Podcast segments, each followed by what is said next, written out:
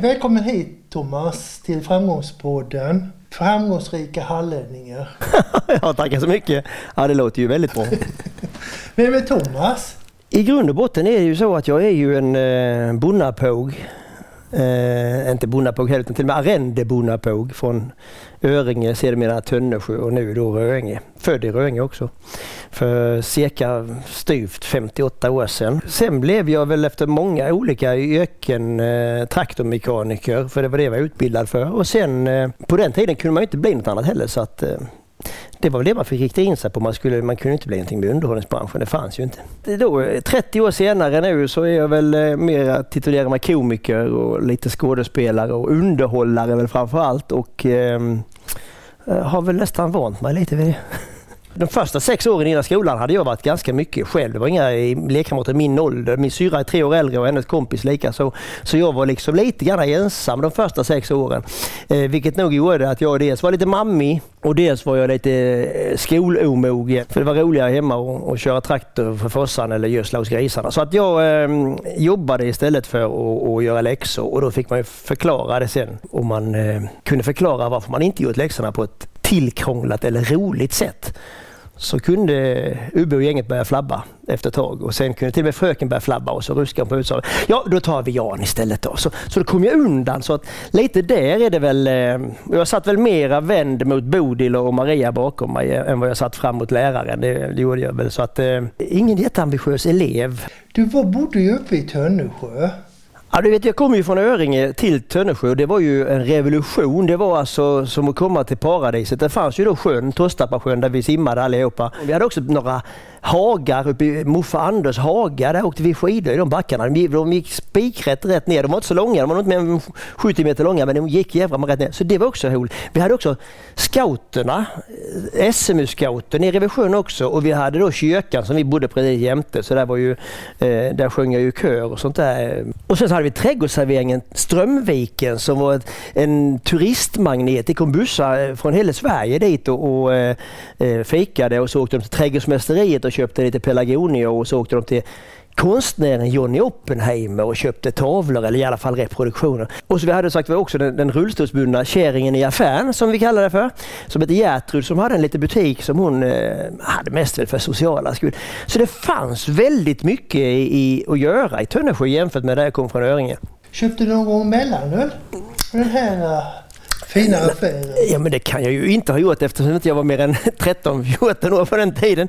Eh, ja, men det var så här att eh, vi hade väl en överenskommelse som var lite fin. Eh, Gertrud och jag, det här är ju preskriberat nu så man kan ju släppa det. Men hon, eh, jag hade bara 5 kronor timmen när jag jobbade hos pappa så det var inte mycket pengar man hade. Och när man då kom till Gertrud och det inte räckte och man tjuvrökte och skulle ha en liten röd prins och den kostade 5 spänn, sen med sju. Och sen var det inte mycket pengar kvar så man fick ju krita hos henne. Så hon hade en sån här lista. Så ibland betar man av. Man kommer inte med till hälften för att börja fylla på igen. Och då var det ju, ja mellanöl hann jag väl köpa någon men sen var det ju folköl, den slog ju över där precis i den vevan. Och eh, då sa ju Gertrud till henne när man kom där på cykel eller på moped. Så sa hon, så sa jag ta två folköl med och då sa hon eh, Ja du är ju 18 år så det går ju bra. Och hon visste så väl att det inte var sant. Men, men det, var, det låg en, ett, inte ett hot, men det låg liksom en liten varning i det att nu sköter du detta snyggt så inte det här kommer fram. För då jäklar tar det hus i helsike. Jag har sagt det till mina barn, jag vågar inte berätta hur mycket jag ljögit för dem i mitt liv, men man, man drack ju både för tidigt och för mycket. Det gjorde man ju. Vilket är det värsta minne du har från dryckesskap? Det var mycket bygdegårdsfester på 80-talet där. Vi skulle åka upp till Abils bygdegård på en fest och eh, vi hade precis då, ja, då var jag ju 22, 23, upptäckt eh, tequilan. Så vi var tre killar som skulle dela på en 70 tequila och vi hade med oss både skärbräda, citroner och salt. Eh, dessvärre så när vi väntade på bussen tappade vi den i påsen så vi sprang in till en kompis och lyckades sila av det mesta. Men sen klippte vi den på vägen upp till festen och sen eh, Ja, gick vi nog en runda in på festen och sen var det färdigt så det var klart. Men det var bara en som sagt var så att vi ska inte nämna fler tror jag. Du var ju taxichaufför i Halmstad ett litet tag också. Det var jag eh, i tre år. Man var ju metallare och då hade vi inte så bra betalt som metallare så att eh, man slog sönder fingrar och nävar och ont i ryggen och knäckte sig och, och slet. Men det blev inte mycket över. Och så hade jag en flickvän som tyckte att vi hade lite dåligt med pengar också. Så tänkte jag, jag hade drömt ändå lite grann att köra taxi så jag gick kursen och sen körde jag då varannan helg körde jag antingen fredag eller lördag. Så det gjorde jag i tre år. Och, och det var ju roligt också för man kom ju ut och fick träffa utefolket utan att man själv var ute och gjorde av med pengar. Så man visste ju vilka som hade varit var och vem som hade gjort vad och sådär. Eh, men det slutade med en julafton faktiskt att jag körde och stannade jag här borta på torget. Och det var tre män som kom med två stycken hockeytrunkar och jag skulle bära in dem i bilen. Jag lyfte in dem, de vägde nog 40 kilo stycket och de klirrade. Och då skulle de till en adress på eh, Fogdegatan. Och jag sa, fast där ligger nog inget hus, sa jag. Jo, vi ska dit. Då, då hade de inte varit här på tre, fyra år för de hade dagen innan den 23 december muckat från Hall efter väpnat rån, de här tre busarna, och de fick jag. Så jag körde runt med dem i 45 minuter och var genomsvett. De ville att jag skulle komma in i en mörk prång och ta betalt. Och jag sa, det är bättre att ni kommer ut och, betalar här. Nej, så du ska med in här för du ska bära in våra väskor. Och jag gick till min egen avrättning, men, men där inne stod en brorsa till de här killarna och sa att nej, bara, bara betala, han är lika bra. Så jag fick mina pengar i alla fall. Så att det, var, det var tufft.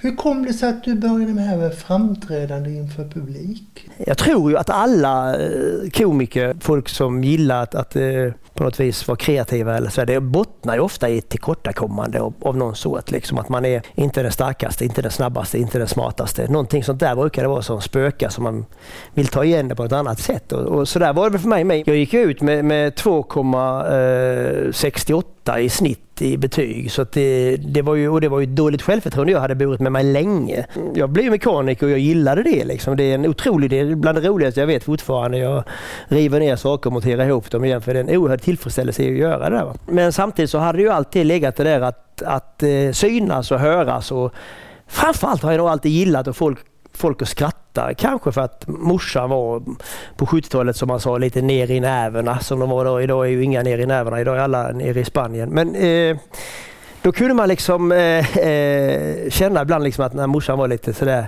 hon hade också dåligt självförtroende, hemmafru och sådär. Då märkte jag ibland att jag fick försöka hålla henne på lite gott humör och sådär. Så att jag, jag gillar alltid att få mamma att bli glad och mamma att skratta och sådär vet jag. Och, Sen gillar jag att få kompisarna att skratta och jag, jag passar väl aldrig riktigt in i machorollen. Jag, jag var boxare i tre år också men, men, men eh, jag boxades två, ja, egentligen tre stycken diplommatcher, fick stryk alla tre. Men jag kände att jag har ju ingen killinstinkt, det är inte det här jag ska göra. Och då var det så här att jag bodde på Linnehedsvägen. Jag kom hem en dag efter träningen och då var det några som höll på ute på amfiteatern där och det var Folkparksteatergänget. Och då gick jag fram och sa, hej, hur gör man om man vill hålla på med teater? Ja, de sa, vi är precis färdiga men eh, Nej, men jag sa jag vill inte se, jag vill hålla på, jag tror jag ska göra det. Jaha, sa de, välkommen på kurs. På måndagen då var det en improvisationskurs på kvällen och sen var det dagen efter var det någon annan. Och sen var jag nog anmäld till, tror jag, sju, åtta åtta studiecirklar i, som hade med teater att göra. Då trodde jag att jag skulle bli skådespelare så att jag sökte, under de sex åren så sökte jag scenskolan tre gånger men kom inte in för jag var inte, hade inte den begåvningen så jag skulle komma in heller. Så att det, och det var ju tur att jag inte gjorde det. Hur kommer det sig att det blev humor? Dels så var vi ett gäng som bröt oss ur eh, Folkets Parksteatern då som vi var ifrån, då, eller jag var med i då från 83 till 80 86 där någon gång. Då bröt vi oss ur några stycken och bildade en annan teaterförening och sen var det lite slitningar i den också. Så där. Och jag kom då inte in på scenskolan och samma veva kom Peter Wahlbeck tillbaka till Halmstad. Vad var det han sa? En del sa att han fick sparken, men han sa väl nog själv att den skolan är inte mogen för mig ännu. Eh, och eh, då eh, kom han ner så han hängde på också där och vi gjorde några grejer ihop lite sådär. Och vi, eh, han var en virrhjärna och jag hade liksom yra i byxorna och vi, vi hittade varandra till och från kan man säga lite sådär. Så vi jobbade sen ihop under par år där och gjorde lite humorshower och, och eh, en sommar skulle Peter göra en sak. Han fick, tror jag, två veckor på eh, Norreport där uppe i ett eh, litet galleri där uppe. De två lokalerna fick Peter låna. Då skulle han fylla det med, med saker som skulle hända. Så han hade då vernissage där med sina tavlor och sånt. Och han drog då ihop eh, två tjejer Eh, Peter och jag och en trummis. Vi var fem stycken som skulle göra lite olika saker. Så att, då fick vi tjejerna att göra Den starkare av Strindberg där. Och jag och Peter skulle göra paria. De här två pjäserna av Strindberg är ju eh, syskonpjäser kan man säga. Eller så, här. så det skulle vi göra och sen skulle vi göra någon eh, show tillsammans. Hade lite synopsis men inga skrivna repliker utan vi improviserade oss fram i de här. Eh, och det gjorde vi. Eh, de där pjäserna, det var roligt och det var, gick bra och det kom ju folk. Det kunde varit klart där men sen gick det några månader på hösten och då så ringde Peter mig och sa du, den där showen vi gjorde med, med sketcherna och det, jag har sålt den till Rydebruks Folkets hus, sa han. Okej, okay, sa jag, vad kul. Ja, så han, det är bara ett problem och det är ju att eh, tjejerna har hoppat av. Det är bara du och jag. Ja fast vi kan ju inte göra den, den showen på två som är fyra. Jo, jo vi gör allihopa sketcherna själva. Ja fast det går ju inte så. Det handlar ju om, om han, tjejen och pojkvännen där och det. Ja men det är bara två bögar istället. Nej men det kan vi inte göra. Jo, jo det är samma. Det är kärlek som kärlek. Skit vi. Vi gör bara om alltihopa. Så vi, så vi tog hela den showen och jag och Peter gjorde då bägge rollerna oavsett vad. Eh, och som, ja, det var helt sjukt. Eh, och vi åkte upp på vindsfri luft med, några, med, med en tvättlina och några lakan. Vi hängde upp där, kunde byta om bakom och vi gick in och körde de här sketcherna i Rydöbruk och de bara, de bara skrek. De hade aldrig sett något så galet i hela sitt liv. Liksom. Eh, och sen så Björn Holmgren den blev så här, vad fasen det här är det sjukaste jag sett. Så han, så han grejade en turné på 14 dagar till mig och Peter. Så då tog jag tjänstledigt från jobbet. Då gjorde vi två veckor där vi på 14 dagar gjorde 16 föreställningar och ibland kom vi till ställen som inte skulle haft oss. Då döpte vi också om föreställningen från Crazy Show till tror jag, positivt negativt för att han skulle kunna sälja det. Jag glömmer aldrig, vi kom till Fjärås Bräckakyrkans församlingshem och där skulle vi göra våran show och det, vi hade typ 18 nummer och vi strök ner sex med en gång för de kunde vi inte ha med, de var för grova. Så hade vi 12 kvar, men nej, innan vi började, nej, vi tar stryker fyra till. Vi hade, bara fy, vi hade bara åtta nummer kvar när vi började. När vi gjort in, första sången och första sketchen så kom Peter ut så vi måste stryka mer.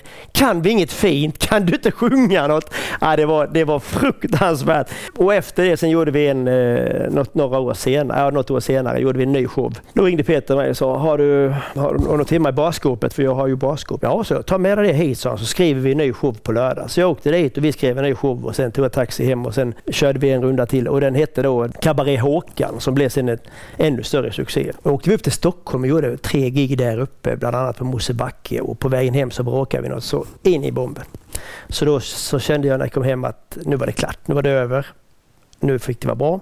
Men då kände jag också att nej, men jag är väl nöjd med det. Jag, det kanske inte är det viktiga att jag står på Dramatens scen eller att jag liksom spelar teater. Det kanske är viktigare att jag skojar med folk utanför Norre Kavaljeren eh, när jag går hem och får folk att flabba. Eller, det viktiga för mig är nog inte att jag måste uppträda. Det viktiga är nog att jag bara få lov att vara rolig när jag vill vara rolig. Så då där la jag ner min karriär och då precis i den vevan, det här var 1988, då hittade Bertil Goldberg Peter där vi var i Stockholm.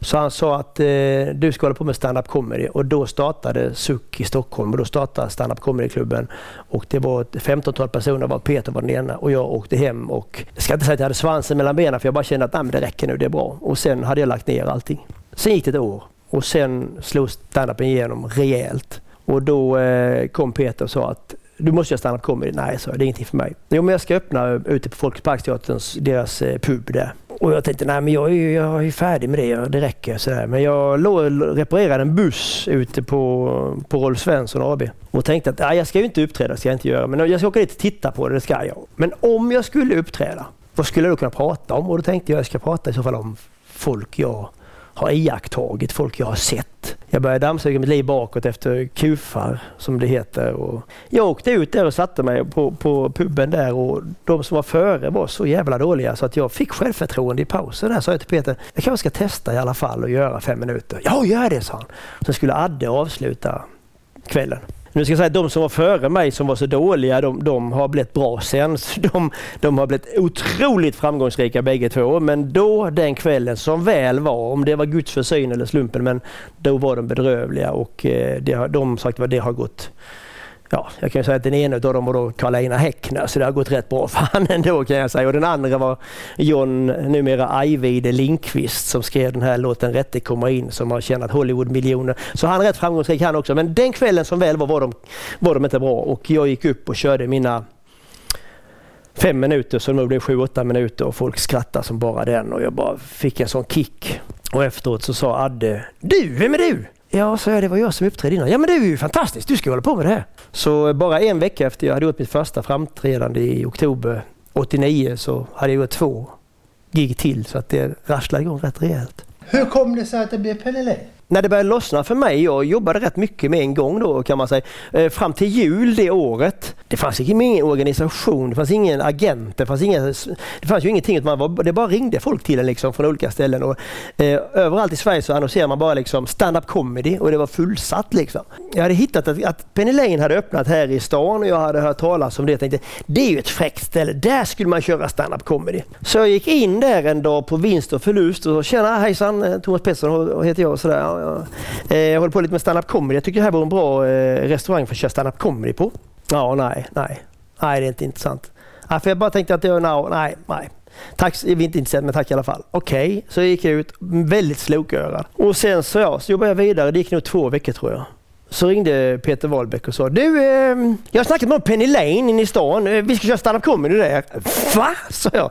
Så då hade han väl antagligen varit lite mer övertygad eller också hade de väl funderat lite emellan. Jag vet inte. Men drog jag och Peter igång och körde och det blev en också en sån galen succé så att det var ju hett och varmt och dålig ventilation och folk hade så jävla kul och satt som packade sillar. Och det var ju så nytt och galet liksom. Så efter två år så började jag, jag var ett och ett halvt kanske, så började jag och Peter ta upp våran gamla Cabaret Håkan och sätta upp den där i, i nyversion. Så då körde vi den där nere en dag i veckan också. Och sen fick jag kontakt med, ja just nu är ju Anna-Karin min fru, men då eh, fyra tjejer hade något som hette eh, Kompani Sture som kom ifrån Sturegymnasiets eh, estetlinje. Så de hoppade in och gjorde någon kväll i veckan. Så att, och sen körde jag egna kvällar själv också. Så att Penny var ju en helt otrolig tid som många av oss gamla ståuppare, alla tyckte var den bästa standup-scenen i Sverige. Där tror jag också att jag byggde eh, mitt varumärke väldigt tidigt eh, och hittade vem jag var. Kan man skämta om allt? Finns massor man inte kan skämta om. Frågan är egentligen, eh, måste man skämta om allt kan man säga? Det är en fråga.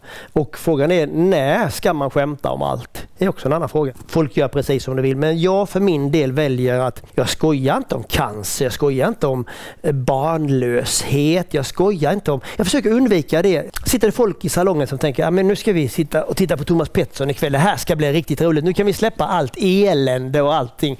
Och så tar jag upp någonting som de kanske precis har varit med om. Nu kan man aldrig gardera sig, men jag försöker att liksom tänka att kan det här vara för personligt för någon av dem där ute, då, då försöker jag låta bli det. Var hämtar du stoft ifrån? Ibland händer bara grejer med mig. Ibland, eh, jag har ett par sådana tennisbrallor, du vet, som en innerbralla som är liksom lika lång, sitter tight här nere med lite snö och så är det en rätt pösig bralla utanför. Och den där brallan kommer jag, jag sitter på gymmet för jag det nog tre år sedan eh, och sitter och gör en maskin. Har varit där typ i tio minuter och, och värmt upp och sen börjat köra maskin. Och sitter och kör en maskin och sen tittar jag ner och ser jag har brallorna ut och in ibland händer grejer med mig som är så otroliga så folk tror att jag har hittat på det. Eh, jag säger det att ibland är jag inte snabb i huvudet. Jag var i Stockholm och gick i kostym, rätt finklädd, eh, på en gata sent på natten och är lite orolig. Jag kanske borde tagit en taxi. Men jag såg bara svarttaxi.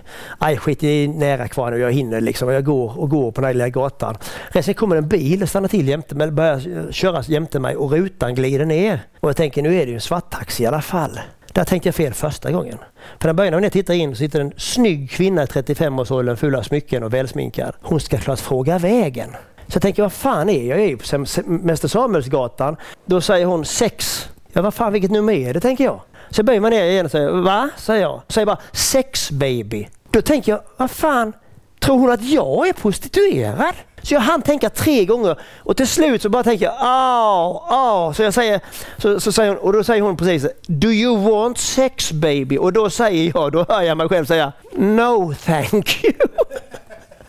Och det är också så underbart. Jag är så artig så i det läget så säger jag till mig nej tack. Sånt är underbart när det händer. Men sen ibland är det givetvis skämt också rena konstruktioner när man tänker på någonting som är kul och sen skruvar man det och ändrar på det och flyttar på det. Så det är ju rent tekniskt skämt ibland. Har du bett om ursäkt någon gång när du, för dina skämt? Jag gjorde ett företagsgig eh, någonstans i närheten här, jag säger inte var, men i alla fall. Eh, och de var så fulla De var så otroligt fulla. Så det lät som att komma in i ett svinhus ungefär när jag kom in i lokalen. Jag hade då bett att eh, någon ifrån företaget skulle presentera mig. Och ju högre upp desto bättre, för jag tänker jag behöver nog ha lite auktoritet som, som talar om att det kommer något viktigt här. Liksom. Distrikts-VD eller så gick upp och eh, han var lika full han. Han sa att nu ska ni få se någon ni aldrig har sett för. Och sen presenterade han mig med helt fel namn och sådär. Och jag gick på och eh, hade gjort mig till och skrivit en hel del skämt och eh, det gick väl sådär med dem. Och sen gick jag in på mitt ordinarie material och då hade jag ett skämt som var, tyckte jag, väldigt naivt och ganska enkelt som var att eh, jag läser tidningarna och jag fattar inte, jag hänger inte med. Jag fattar inte. Det stod i veckan att de hade hittat tio stycken iranier i en container i Frihamnen i Stockholm. Och jag bara tänkte,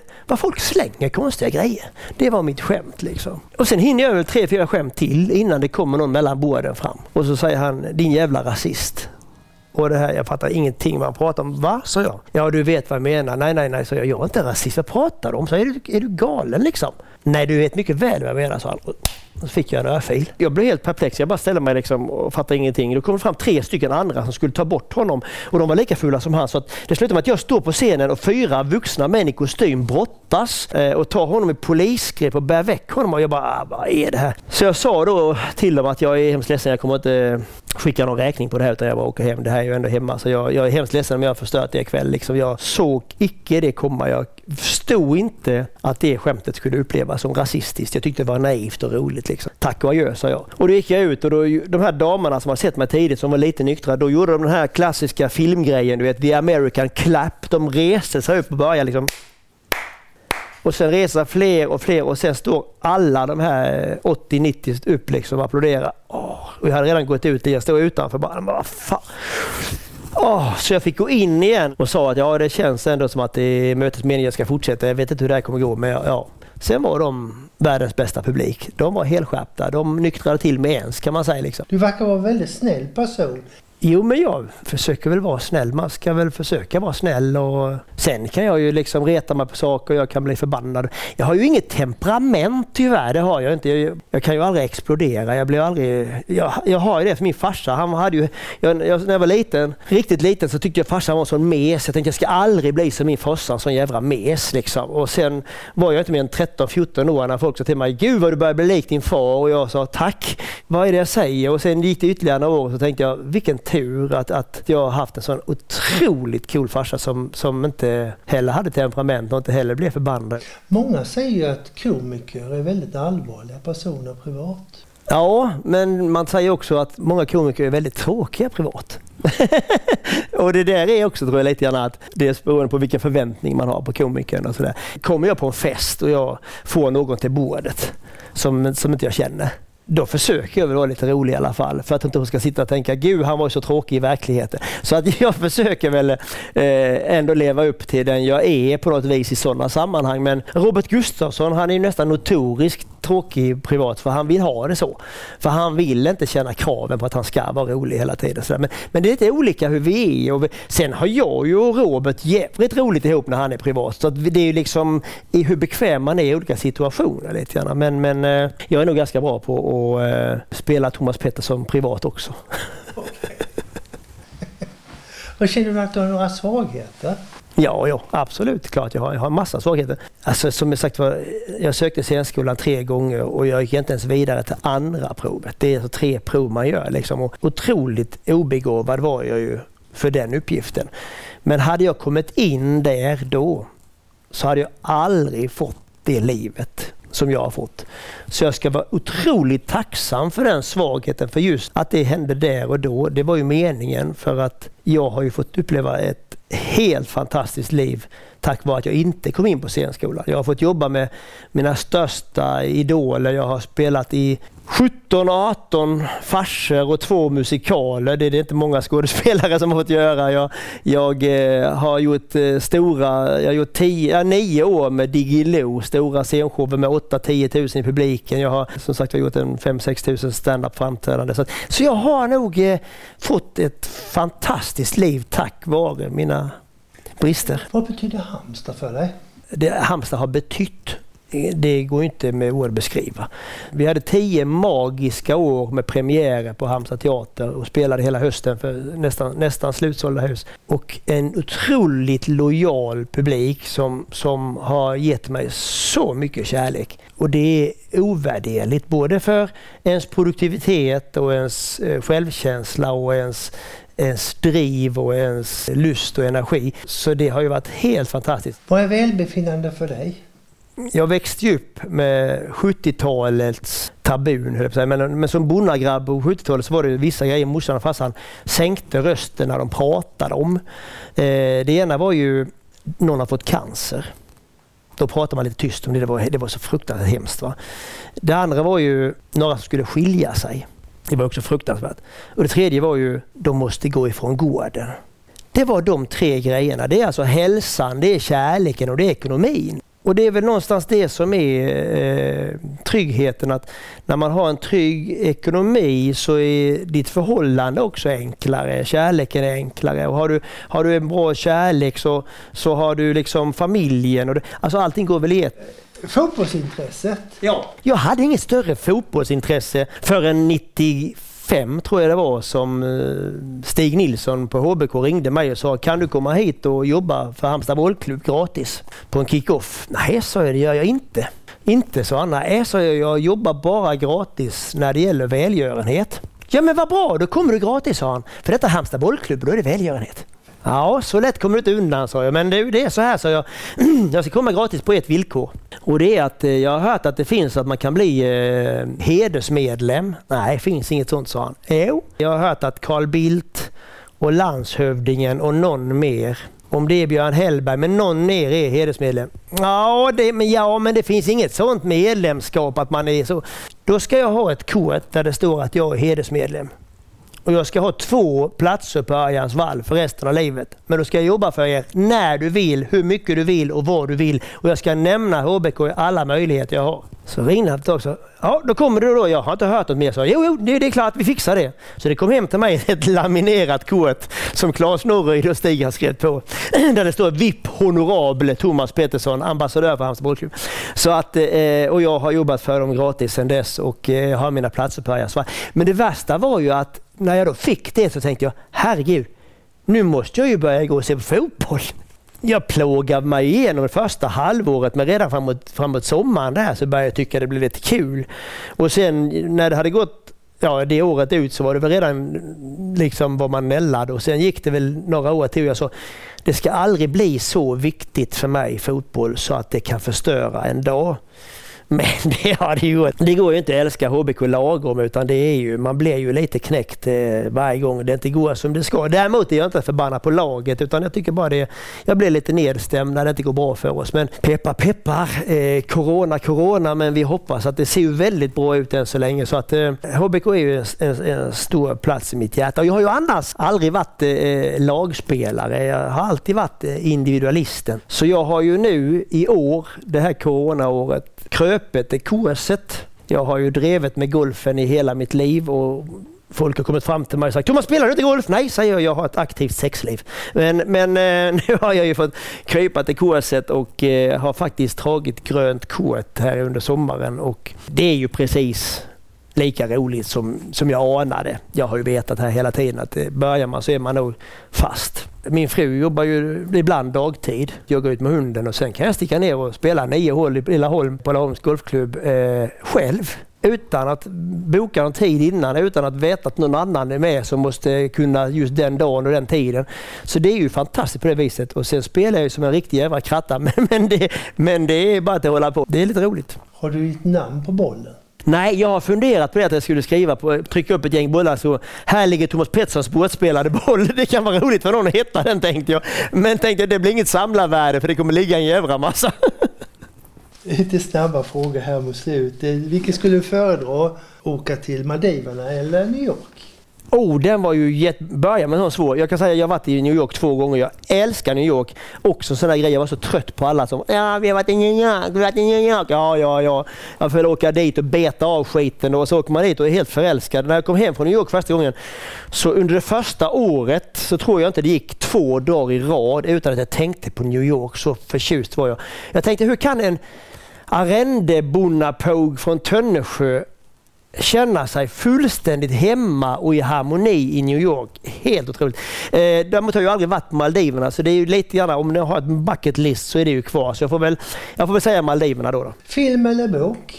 Eh, bok. Också någonting jag inte heller växt upp med. Men å, återigen min, min gamla klasskamrat Thomas Lohanka, storebror Matti, han, han hade Alistair MacLean böckerna. Och de började jag läsa när jag typ var 14 älskar att läsa för man får egna bilder och man får egna... Ja, jag gillar att läsa böcker. Allt ifrån faktaböcker till biografier till, till ren fiction. Är du slösare eller, eller är du snål? Jag är snål. Eller jag är inte snål. Man kan säga det här är typiskt mig. Jag unnar mig saker och jag eh, gör grejer liksom. Men när jag har spelat ut en boll i skogen och jag hittar två andra så blir jag glad. Sushi eller oxfilé? Ja, det är också en sån här humörsak. Jag gillar sushi också. Ja, jag tar, idag tar jag, nog, jag tar nog en sushi nu faktiskt. Jag väljer det för lite tyngre moxfilé. Det är gott också men, men eh, sushi är mm, enkel och snäll mat mot magen. Så det tar jag. Hund eller katt? Ja, vi har ju både och. Vet du. Jag, gillar ju, jag, jag älskar ju vår hund men, men jag säger katten då för katter är lite mer, eh, de är lite mer individualister. De, de gör inte som du säger, de har ett eget liv och ja, de är coolare. Är du morgon eller kvällsmänniska? Jag är en, en morgonmänniska. Ja, fyra vaknade jag första gången, sen somnade jag om. Sen går jag, vaknade jag vid halv sex och sen går jag upp vid halv åtta. Men, men jag är pigg direkt på morgonen och kan jobba. Och sådär. Jag vill tacka dig Thomas att du tog dig tid att komma hit. Tack så hemskt mycket.